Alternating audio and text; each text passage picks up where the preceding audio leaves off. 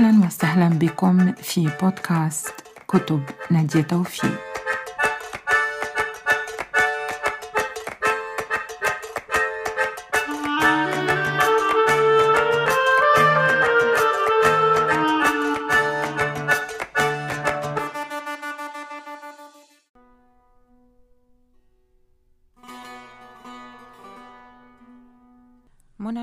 Rattas est une écrivaine d'un extraordinaire mélange harmonieux entre une première culture naissant au bord du Nil et une deuxième culture francophone épanouie dans le Nouveau Monde.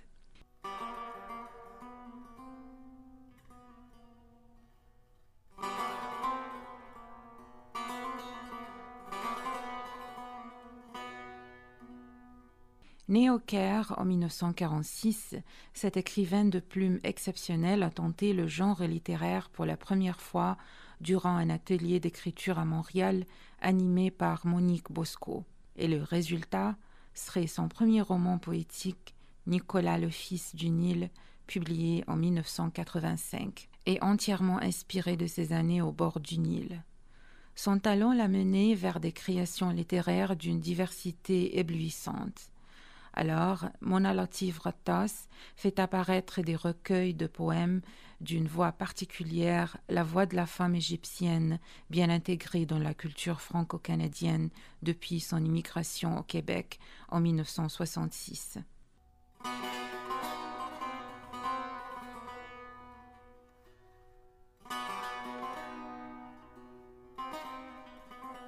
Du double conte de l'exil publié en 1990 aux Lunes de miel publié en 1996, ces textes de prose exploitent généreusement le drame de vie entre deux pays. La rupture avec une terre originelle et l'accueil d'une terre nouvelle. Les récits de Mona Latif Rattas brasent deux mondes si distanciés en géographie, mais elle réussit à trouver une formule de conciliation formidable.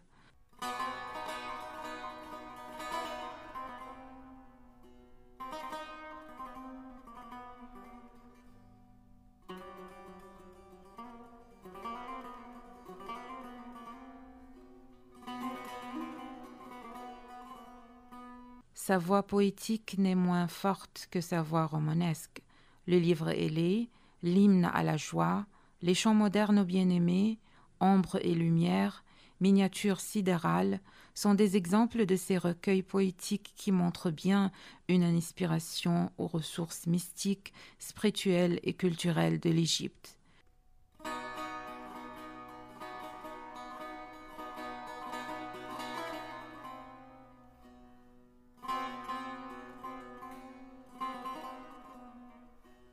La poésie est habitée par des images étonnantes qui montrent une connaissance profonde des sentiments humains et une sensibilité aiguisée par le talent unique dont jouit notre invité aujourd'hui, Mona Latif Rattas.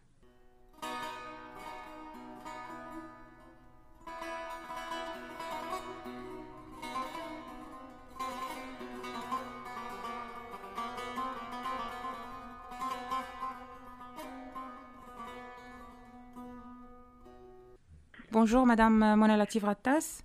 Oui, bonjour. Bonjour. Madame Mona Lativratas, vous êtes la très bienvenue sur. Nous sommes tellement ravis de pouvoir converser avec vous, avec une écrivaine distinguée comme vous. Merci beaucoup. Merci à vous, Madame.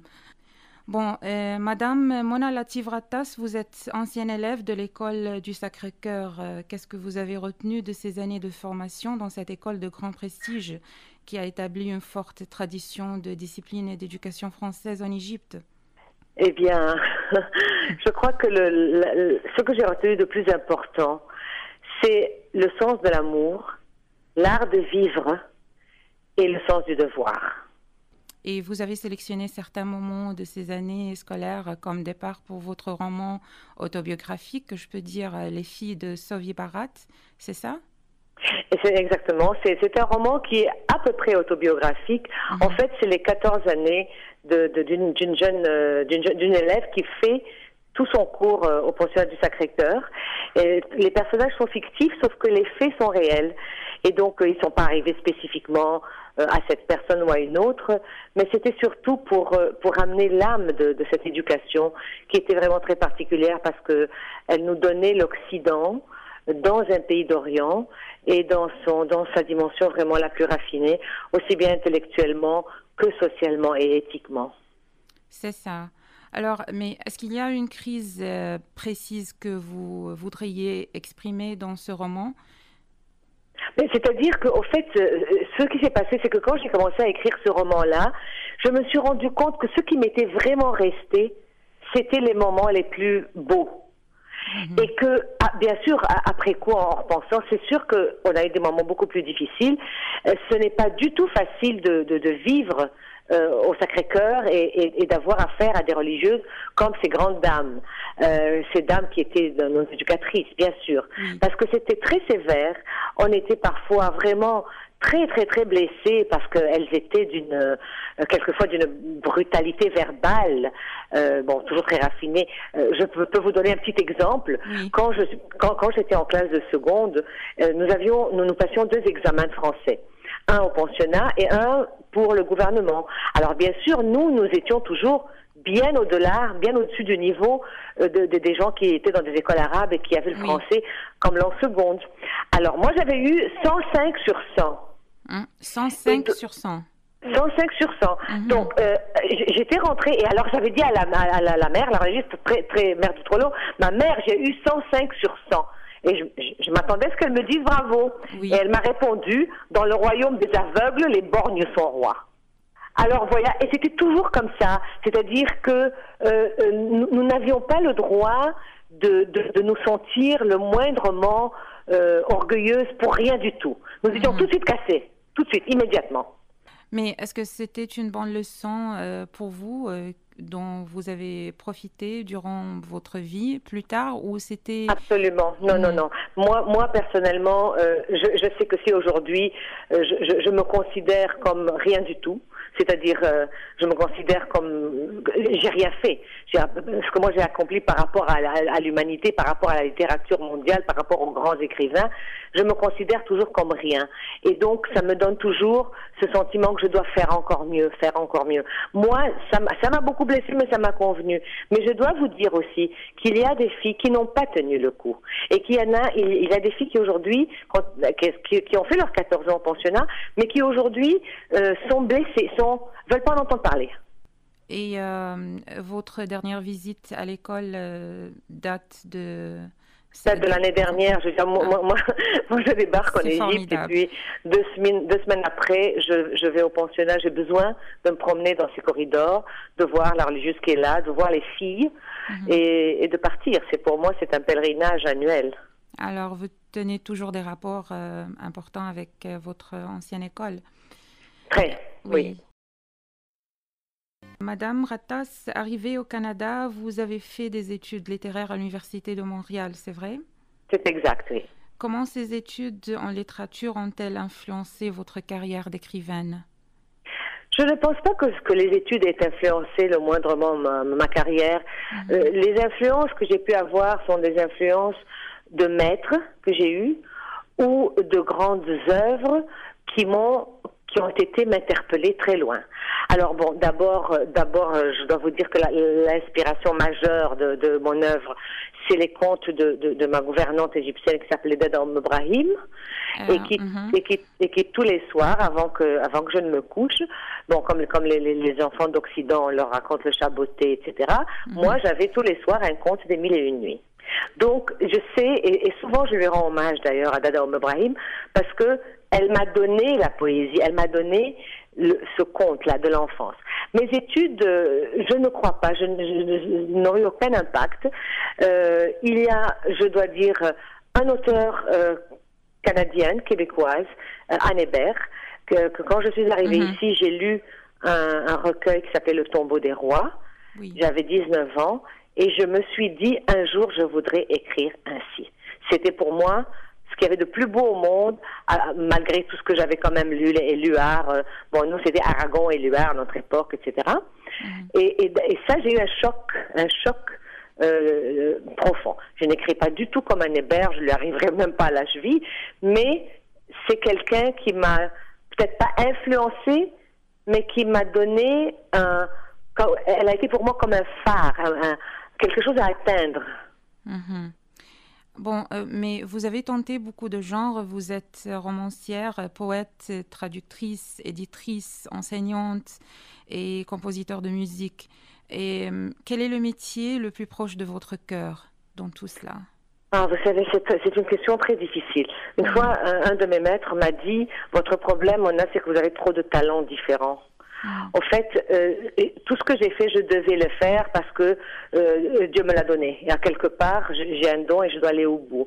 Je, je me dis que puisque c'est l'écriture qui a pris le dessus, puisque j'ai publié, je crois, 22 ouvrages déjà, euh, c'est peut-être cela qui est le plus essentiel pour moi, mais je fais tout avec euh, avec la même ardeur et la même passion. Quand j'écris de la musique, c'est pour moi un moment de grâce. Quand je suis sur scène, euh, je, je, je, suis dans un élément.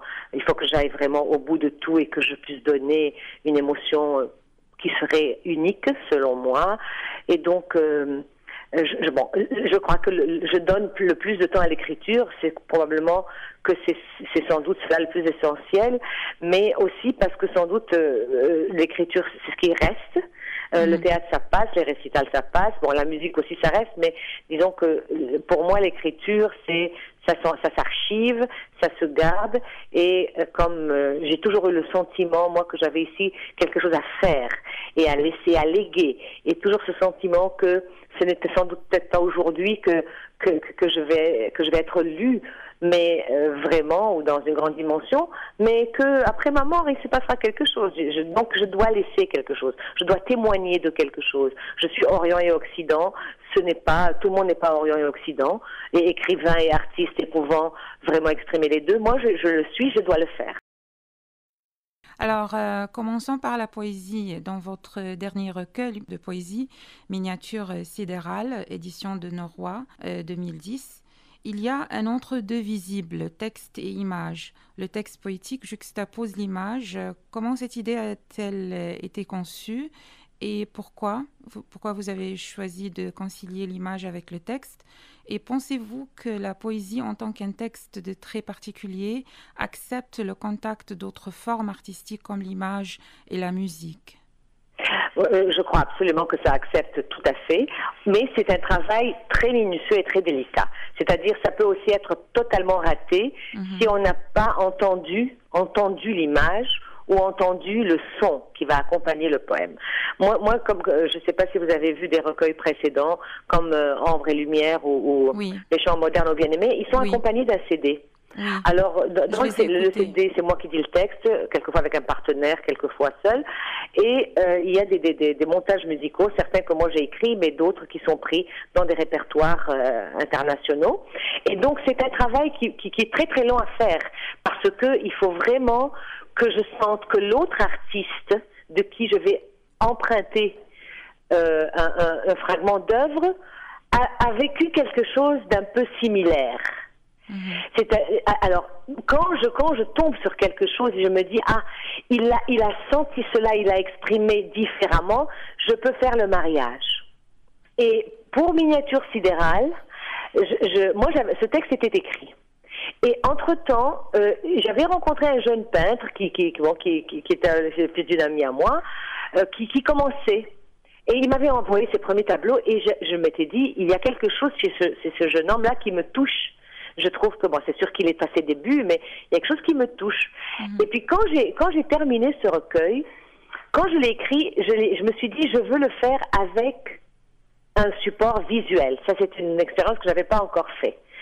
Et donc, euh, il y a une peintre égyptienne magnifique qui s'appelle Nazli Matkour, qui est très connue. Je me suis dit, et, dont, et dont les tableaux, Nazli est une ancienne des Sacré-Cœur aussi, dont, dont, les tableaux me, me, touchent beaucoup et je reconnais, je ressens des choses. Je me dis éventuellement euh, avec Nazli. Entre-temps, ce jeune homme m'envoie un, un poème, euh, pardon, un tableau, et le tableau qu'il m'envoie s'appelle Emmenez-moi moi, je vois ce tableau et soudain, je me dis, c'est pour ce le recueil pour lui. Il y a comme une intuition, une intuition euh, au départ. Alors, je lui ai téléphoné et j'ai dit, écoute, Amour, je voudrais venir regarder tes tableaux. euh, est-ce que ça te plairait de faire un livre avec moi, etc. Alors je suis allée chez lui, nous avons passé quatre heures ensemble. Je, je lui ai envoyé le texte. Alors j'ai dit, lis-le et regarde ce que tu penses être correspondant.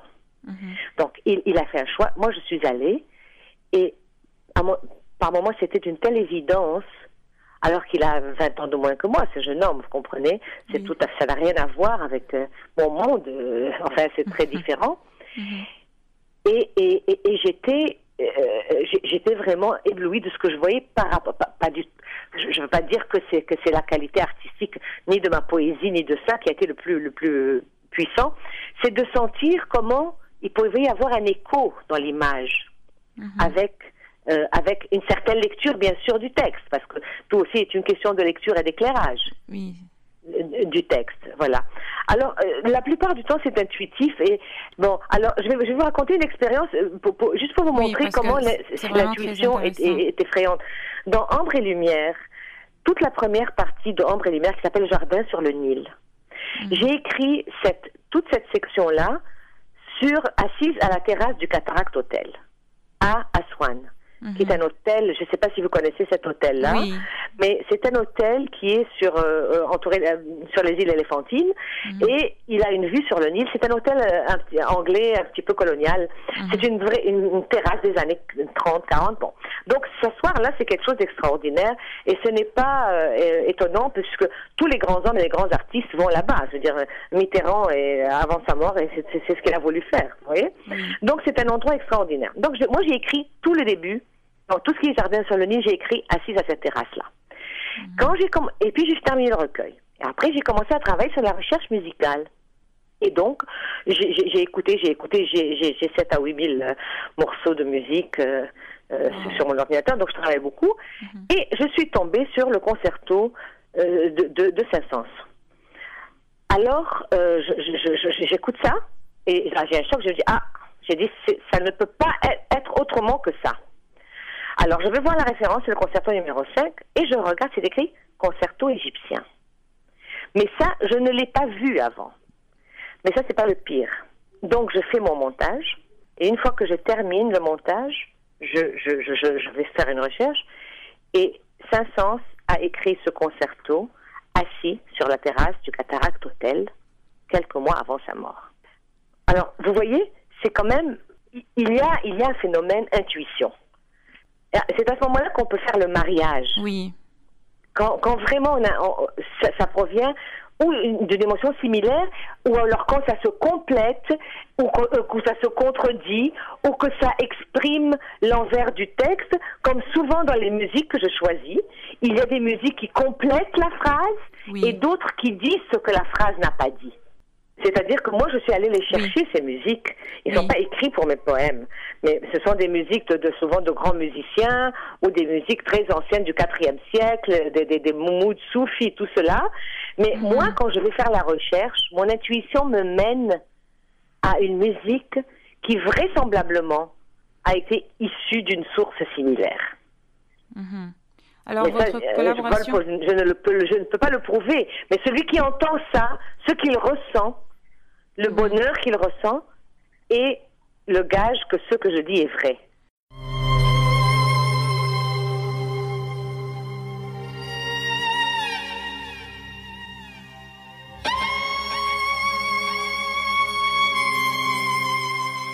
Chemin qui te sépare du jardin de ton désir, ô ami, n'est nulle part qu'en toi-même. Il est aussi proche et aussi éloigné de toi que tu peux l'être de toi-même. Ibn Allah.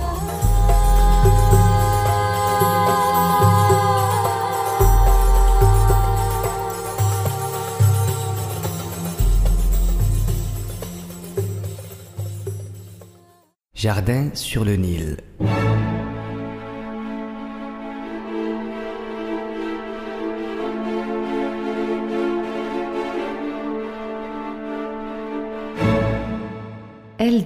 Dans ce vent de soie, Aswan au pied du Nil, l'idée parfaite du bonheur.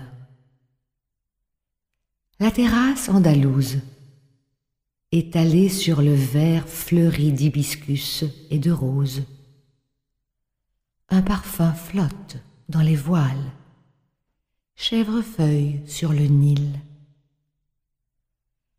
Elle souffle sa faiblesse dans ce jardin d'éternité.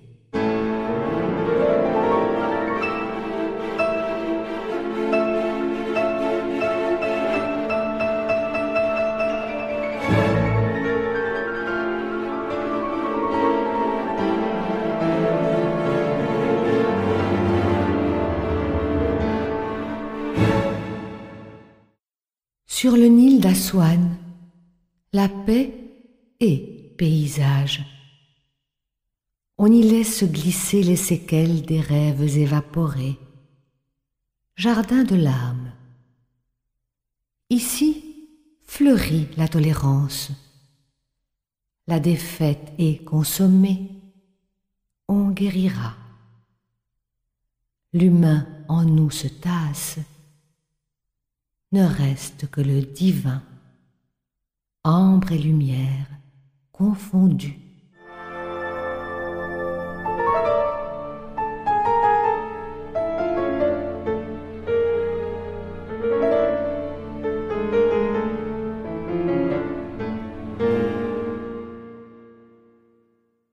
Elle revoit ses yeux larges qui riaient hier, s'effiler dans un reproche à celle qui d'un mot d'acier a blessé son plumage.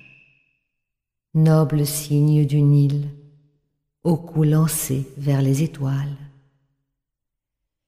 Qui est-elle, se dit-il, cette femme lame qui chavire ma vie et me mire dans le lac de son cœur si glissant que je dérape sur ce miroir mythique et flamboyant où je me suis piégé un jour de givre, luisant d'amour.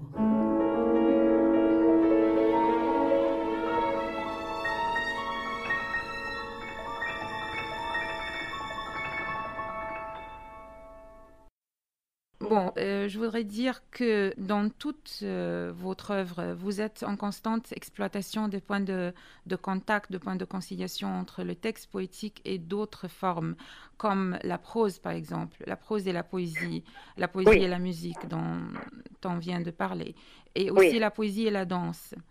Oui. Euh, vous avez expliqué ça, mais je voudrais savoir euh, cette conciliation formidable entre euh, la poésie et la prose, même au niveau de la mise en page dans, votre, dans vos livres en général, surtout Oui. les, les premiers livres.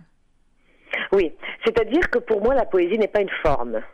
Mhm. La poésie est un fluide et, et, et qui passe dans tout. C'est-à-dire, pour, dans, dans ma prose, si moi je suis d'une essence poétique, je vais, ma prose ne peut pas faire autrement que d'être poétique.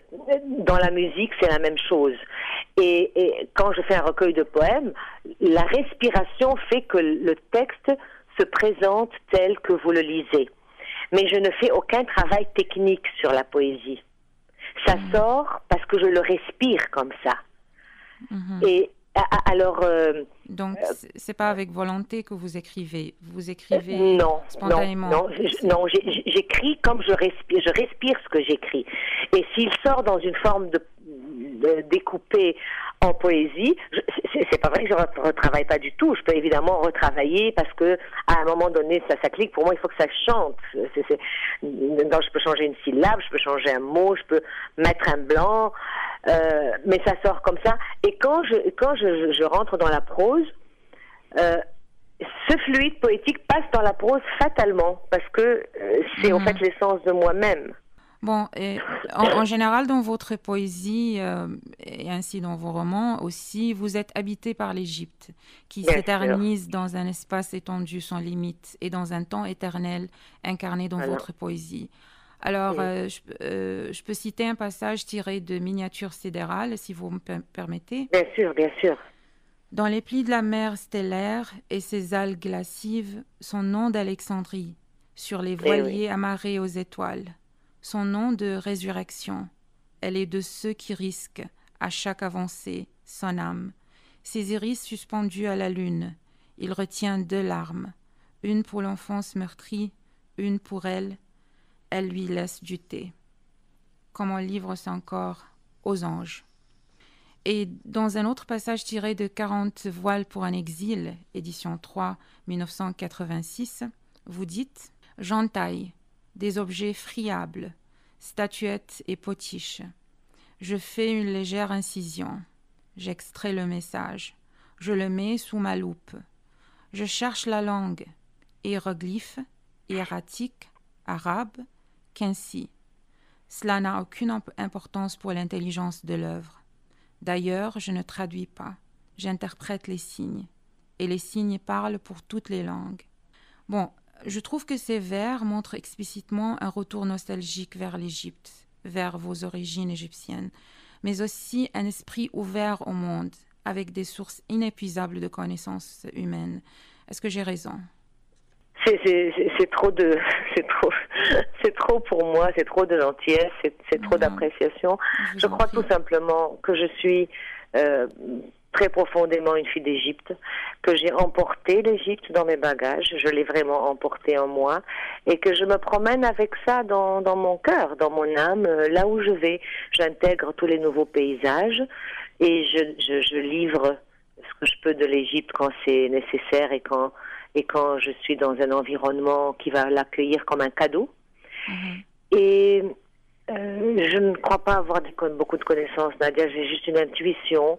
Je, suis, je connais si peu par rapport à vraiment aux gens de la connaissance. C'est peut-être des cadeaux que j'ai reçus. J'ai eu des grands maîtres euh, dans ma vie, des, professeurs merveilleux. J'ai rencontré des hommes qui avaient des grandes ouvertures, de toute religion, de toute, de toute tendance politique. Et peut-être que j'ai eu la grâce de pouvoir emmagasiner ou attraper ce qu'on m'offrait. Tout cela m'a habité. Mais l'Égypte, pour moi, reste une source. Quelquefois, je vais vous faire rire je vais au Caire, mhm. et puis je dis, ah, quand je me sens bien, je respire. Et les gens se moquent de moi. Ils me disent, mais ici, tout le monde dit, c'est la pollution, on crève. Toi, oui, c'est vrai. Je dis, c'est mon oxygène, ben, c'est ça. C'est très intéressant. Alors, qu'est-ce que qu'est-ce que vous pensez des villes égyptiennes d'aujourd'hui? Alexandrie, par exemple. Vous, vous avez parlé du Caire. Alors, Alexandrie, qu'est-ce que est-ce que vous bon, c'est sûr. Vous vous rendez en, à Alexandrie? Je, je, je, vais à Alexandrie de temps en temps, mais mhm. en fait, je suis une fille du Caire, en fait. Mhm. Mais bien sûr, je vois ce que tout le monde voit, c'est-à-dire que ce nous ne sommes plus dans le, dans le même temps. Nous sommes dans un autre temps. Il y a une dégradation. En même temps, il y a aussi une évolution. Et souvent, les gens s'arrêtent juste au côté de ah, trop de monde, ah, trop de machin, trop de ci, trop de ça, trop de poussière, trop de klaxons. Mhm. Très bien. Mais quand même, plus de jeunes qui vont à l'école, euh, plus de démocratie quand même. Et, il y a quand même beaucoup de choses, plus d'ouverture à l'autre, euh, une générosité toujours la même et toujours une gentillesse comme au monde euh, il n'y en a pas. Je veux dire, trouvez-moi un pays où les gens sont de, la gentillesse des nôtres. Je veux dire, c'est quand même pas possible. Je sais pas vous, si vous êtes égyptienne ou autre, mais ça pour moi, et Dieu sait que j'ai voyagé, il n'y a, personne comme, comme, comme un Égyptien de, de tendresse et de d'amour. Bon, ça, à mon avis, c'est très bien. C'est sûr qu'il y a une montée d'un certain matérialisme euh, euh, par la force des choses, parce que le monde est fait ainsi. Mais euh, pour moi, moi je vais, moi je retourne pour la terre. Je n'ai pas beaucoup d'amis, j'ai quelques amis, j'ai un peu de famille que je ne vois presque pas. Moi, je rentre pour la terre.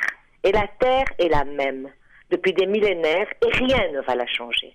Et le Nil coule devant la fenêtre de ma maison où je suis née, et il coule encore comme avant. Alors pour moi, au fait, il n'y a pas grand-chose qui a changé. Alors, euh, et c'était évident dans votre premier roman, Nicolas, le fils du Nil, n'est-ce pas? Vous avez parlé de, l'Égypte. Et euh, le passage où vous décrivez Ras Bar, par exemple, ça m'a beaucoup touché. Est-ce que la Bar constitue quelque chose d'important pour vous comme euh, en tant qu'enfant? Énorme, énorme, mm. énorme. Bar, c'est un îlot de bonheur dans ma vie.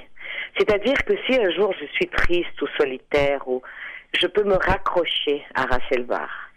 À cette époque bénie, à ce lieu béni de, de, de mon enfance, qui évidemment n'est plus n'est plus du tout ce que ce qu'il était. C'est-à-dire aujourd'hui la configuration de Rasselbar mm-hmm. est plus du tout la même.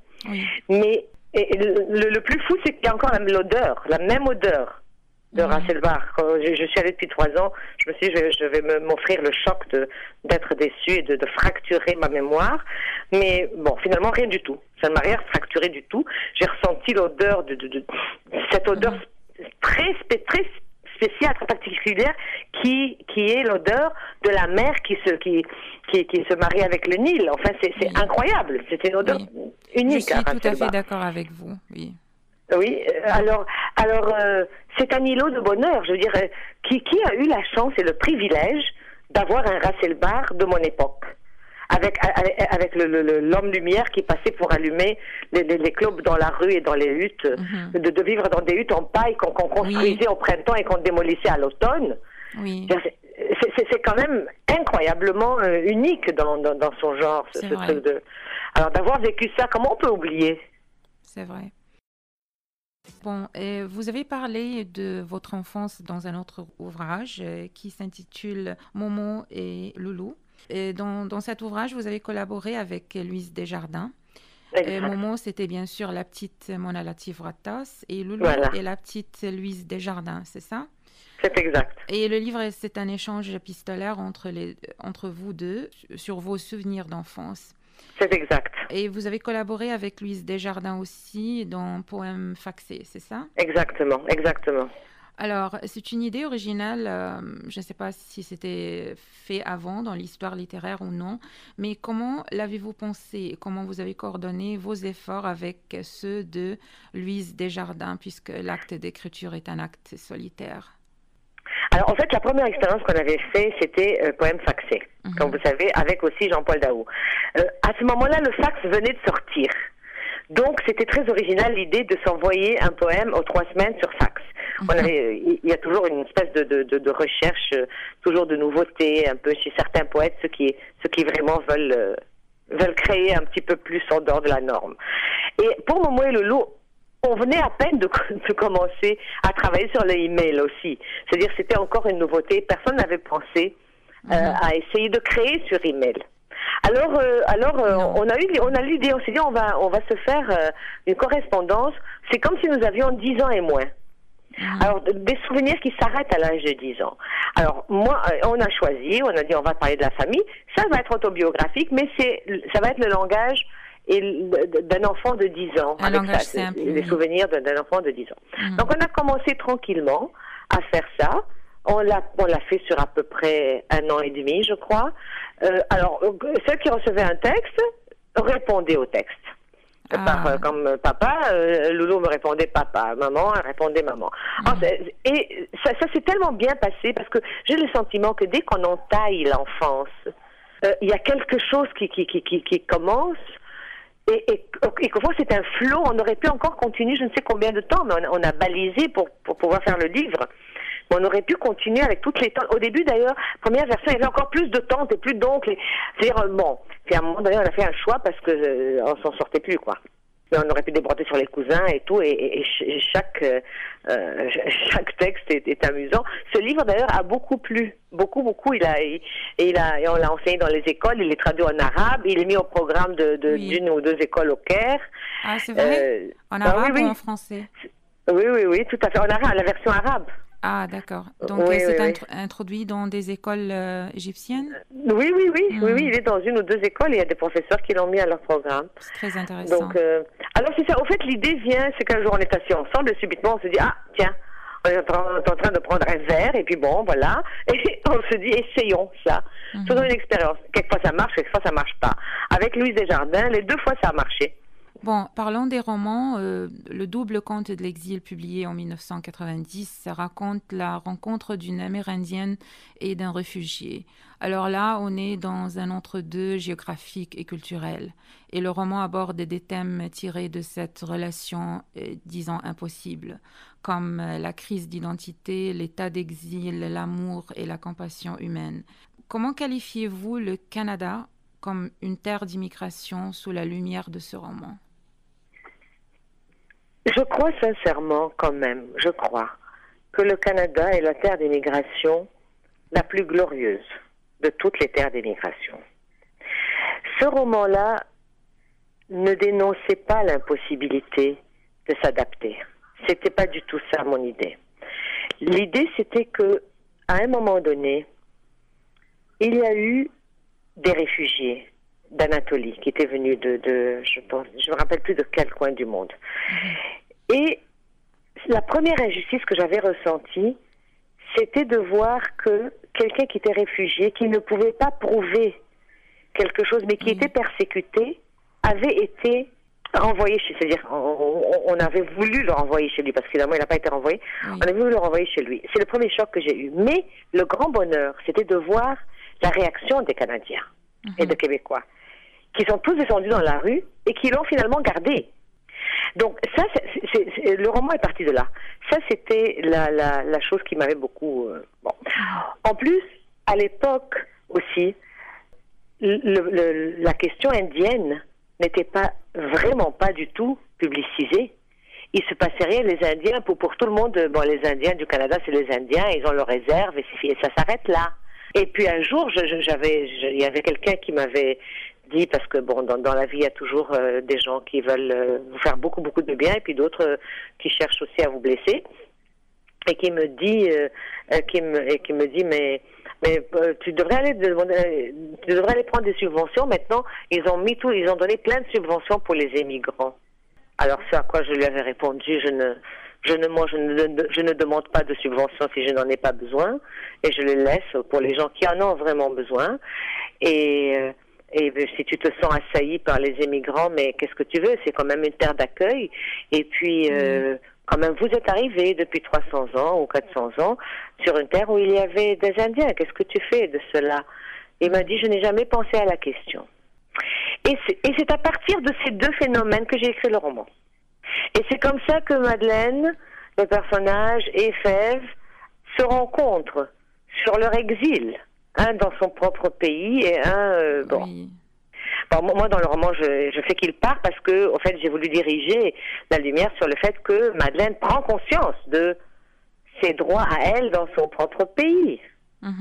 Oui. Et qu'elle retourne dans la réserve, vous voyez Donc, euh, c'est ces deux événements de ma vie qui m'ont précipité à faire ce roman qui d'ailleurs aussi a eu, euh, c'est le roman qui est le plus étudié en doctorat, hein, doctorat et, maîtrise, c'est celui qui est le plus, euh, il a été, il est vraiment mis dans, il a été mis dans plusieurs programmes dans les universités du monde entier, c'est pas seulement ici. Et euh, bon, il y a un autre roman qui s'intitule Les lunes de miel que vous avez fait publier en 1996. Euh, là, il y a deux voix distinctives dans ce roman. La voix de la narratrice et celle de son interlocutrice, Tante Eulalie. Alors, Tante Eulalie fait la conteuse dans le roman. C'est un rôle fort traditionnel des femmes, surtout en Orient. Alors, les histoires qu'elle raconte, je voudrais savoir, est-ce qu'il y a un certain moral, comme dans les contes traditionnels, parce que toujours un conte veut dire quelque chose à la fin. Est-ce qu'il y a un certain moral que vous cherchez à faire savoir ou, bien quel est le message derrière ces récits? Au fait, euh, moi, je, suis vraiment tout sauf moraliste, donc euh, il est impossible pour moi de, créer quelque chose qui va finir par une morale quelconque. Ce que, ce que j'ai fait, d'abord, c'est très amusant parce que toutes ces histoires-là euh, ont été créées à partir de choses que j'ai entendues dans les salons quand j'étais enfant. Moi, j'étais vraiment très curieuse. Bien sûr, à notre époque, les enfants restaient pas au salon quand il y avait les, les, les, les, dames qui se retrouvaient pour bon, les cafés. Bon. Mais moi, je restais à la porte. Alors où je restais à la cuisine près de Mohamed le cuisinier avec, avec ma, ma, ma, mon oreille tendue près de Manzoura, qui est un personnage aussi de, ma vie, qui a été le, notre cuisinier et qui m'a élevé. C'est lui qui m'a élevé. Je lui dois tellement. Mm. Alors, euh, bon, j'étais là et donc je rigolais avec, toujours avec Manzoura, parce que les dames me racontaient toutes sortes d'histoires à dormir debout, mm. très drôle. Et donc, euh, ce sont, c'est à partir de ces histoires, j'ai composé ces nouvelles-là, mais en donnant l'éclairage de quelqu'un qui est venu d'Orient et la façon dont il évolue ici et comment ça se termine? Dans une projection. Mais mon idée, c'est de, c'est de pointer le courage de ces gens finalement, d'arriver de ces contextes, de, de s'adapter comme ils peuvent et de, se, et de, de, et, de, de mener à mieux, au mieux possible, leur, leur, leur destinée. Donc, euh, il y a vraiment, il y avait vraiment pas de morale. Bien sûr, les fins sont, les fins de chaque, euh, que chacune des nouvelles euh, sont des fins projetées. Et euh, le plus drôle, et ça vraiment je m'attendais pas du tout, alors c'est que il y a plein de gens qui, qui se sont reconnus dans les trucs alors que c'est des personnages que je ne connais pas du tout. Mais je me suis dit c'est très bien, je, je me suis, j'ai vraiment eh, trouvé les prototypes, sauf que le problème c'est qu'il y a des gens qui m'ont plus jamais adressé la parole. Ils ont cru que j'avais écrit leur histoire, alors que parce que nous sommes tirés à des milliards d'exemplaires, c'est aussi simple. Il n'y a aucune de ces histoires-là de, de, lune de miel qui est totalement originale et unique et, que personne euh, et qui, qui, est vraiment. Euh, ce sont des prototypes de choses qui peuvent se passer. Dans... Et, j'avais reçu plusieurs lettres à l'époque de jeunes femmes italiennes de la communauté italienne qui me remerciaient, mhm. qui me disaient ce roman m'a éclairé, m'a ouvert les yeux. Bon, j'avais reçu quatre cinq lettres comme ça. Mhm. C'est formidable. Oui, c'est ça. Et mais par contre, j'avais aussi reçu des, des alors euh, toutes sortes de méchants. Enfin, comme je vous dis, il y a des gens qui ne m'adressaient plus la parole. Alors, Ces histoires-là, toutes proviennent de choses que j'ai entendues depuis quand j'avais 10 ans. Vous comprenez? C'est juste comme des, des, des, mécanismes que moi j'avais euh, euh, attrapés à cette époque-là mhm. et que et qui se répercutaient, mais je ne les voyais pas se répercuter devant moi au moment où moi j'ai écrit. Donc je connaissais personne qui était euh, tante Lali ou bon tante Lali, je me suis un peu inspirée de ma grand-mère parce que elle était très elle était, elle était, très amusante, elle était elle était avant-gardiste ma grand-mère et ah. elle était euh, sévère, elle, elle, était un peu sarcastique, était sévère avec les gens qu'elle trouvait pas qui n'étaient pas dans, dans, dans l'ordre de la société ou, ou qui avaient des comportements qui lui plaisaient pas. Et puis il y avait plein de dames comme ça et donc moi ça me faisait toujours rire, mais je trouvais ça fascinant. Et donc, je me suis inspirée de, de, de celle-là, mais les autres personnages, il n'y a personne dans mon présent qui m'a inspiré quelqu'un. C'est juste que tout, tout, ce que j'avais accumulé, entendu, pouvait créer des personnages et des histoires. Et il y a des, des, gens qui se sont retrouvés dans l'histoire telle qu'elle. C'est ça qui est le mhm. plus... Encore une fois, l'intuition, c'est une folie, cette histoire. Fakir.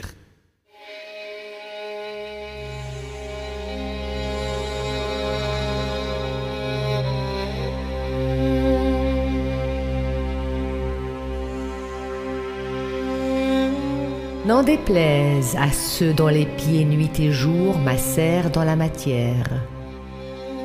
Les poètes ne sont pas les rêveurs que l'on pense.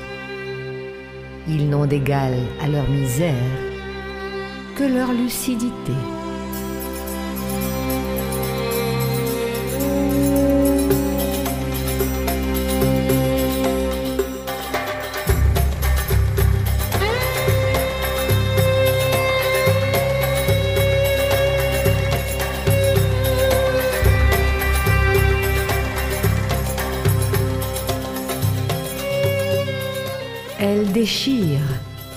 Elle égare, déboussole et affole. L'innocence à l'âge mûr est une lente souffrance d'enfant blessé.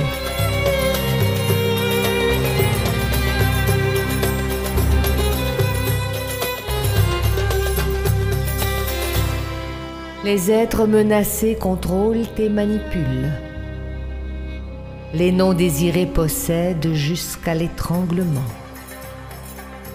L'insatisfait tient ses palabres opaques, issues d'une zone opaque, dans le quartier des refoulés. Celle qui a vu sera sauvée.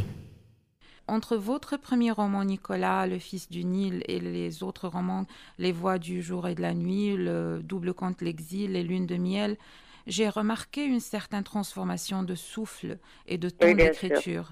Oui. Alors, vous vous êtes déplacé d'une inspiration de nature poétique à un travail minutieux de mémoire. Comment vous évaluez cette transformation? Je crois que ça fait partie évidemment du fait que l'Occident entrait tranquillement en moi aussi mm. et que donc fatalement mon rythme devait changer et euh, devait évoluer évidemment avec euh, avec les moments de ma vie aussi. Vous savez, on a aussi des périodes, de, telles périodes, des périodes de, de, de, plus grande énergie, des périodes de, retour dans la mémoire. Nicolas, le fils du Nil, c'est un livre qui a été écrit au rythme du Nil. Il y a toujours le Nil qui passe. D'ailleurs, à la fin, reste le Nil. Et qui, est Nicolas? C'est mon père. Et c'est une histoire. Euh, Nicolas, c'est un roman autobiographique. C'est un film, en fait. C'est, c'est un, c'est exactement ce qui nous est arrivé. Mhm. oui. Finalement, Madame Mona Latif Rattas, la grande écrivaine québécoise d'origine égyptienne, comment vous voyez votre parcours de vie en Égypte et au Canada du point de vue de l'écrivaine et de la femme Mona Latif Rattas Très sincèrement, je crois que j'ai eu beaucoup de chance de faire ce parcours-là, d'avoir cela inscrit dans ma destinée. Ce que je ce que je, reconnaîtrai toujours avec euh, grande gratitude au Canada, c'est de m'avoir donné l'espace nécessaire à l'écriture, euh, de m'avoir donné la liberté de penser et d'exprimer ce que je veux. Et je ne parle pas du tout d'une d'un barrage politique ou parce que j'aurais peur de dire ça ou ça, mais c'est plutôt la liberté sociale. J'ai eu un grand cadeau d'avoir de, à vivre cet exil avec tout ce que ça peut avoir comme euh, déchirure, euh, euh, bon, cassure. Bon, je, je, suis, je suis pas une exilée, je, je l'ai souvent dit dans un grand texte, mais il y a dans ma destinée une cicatrice nommée exil. Mhm. Donc, il y a une trace de cela. Alors, euh, bon, et j'ai aussi un grand privilège, moi, c'est que j'ai pu retourner en Égypte régulièrement. Euh, D'ailleurs, je ne sais pas comment j'aurais fait autrement. Au bout de neuf mois ou dix mois, si je rentre pas pour un mois, je, je peux, je peux faire de l'anémie. Ça aller jusque là. Mhm. Donc euh, j'ai eu encore ce privilège. Et, donc euh, je trouve que c'est un parcours euh, qui m'a été destiné. Je l'ai fait du mieux que j'ai pu. je regarde en arrière, j'aurais rien changé. Et je continuerai jusqu'à ma mort de faire du mieux que je peux, de d'offrir le maximum avec le plus de sérénité possible. Bon, un grand merci à Madame Mona Latif Rattas qui était avec nous aujourd'hui et qui nous a parlé de sa carrière d'écrivaine et de son œuvre. Merci beaucoup Madame Rattas. Euh, j'avais vraiment l'honneur de vous rencontrer aujourd'hui et j'espère qu'on pourra peut-être se voir un jour euh, en personne. Avec grand plaisir Nadia. Merci infiniment. Merci. Cela termine notre programme d'aujourd'hui. Merci et à la semaine prochaine.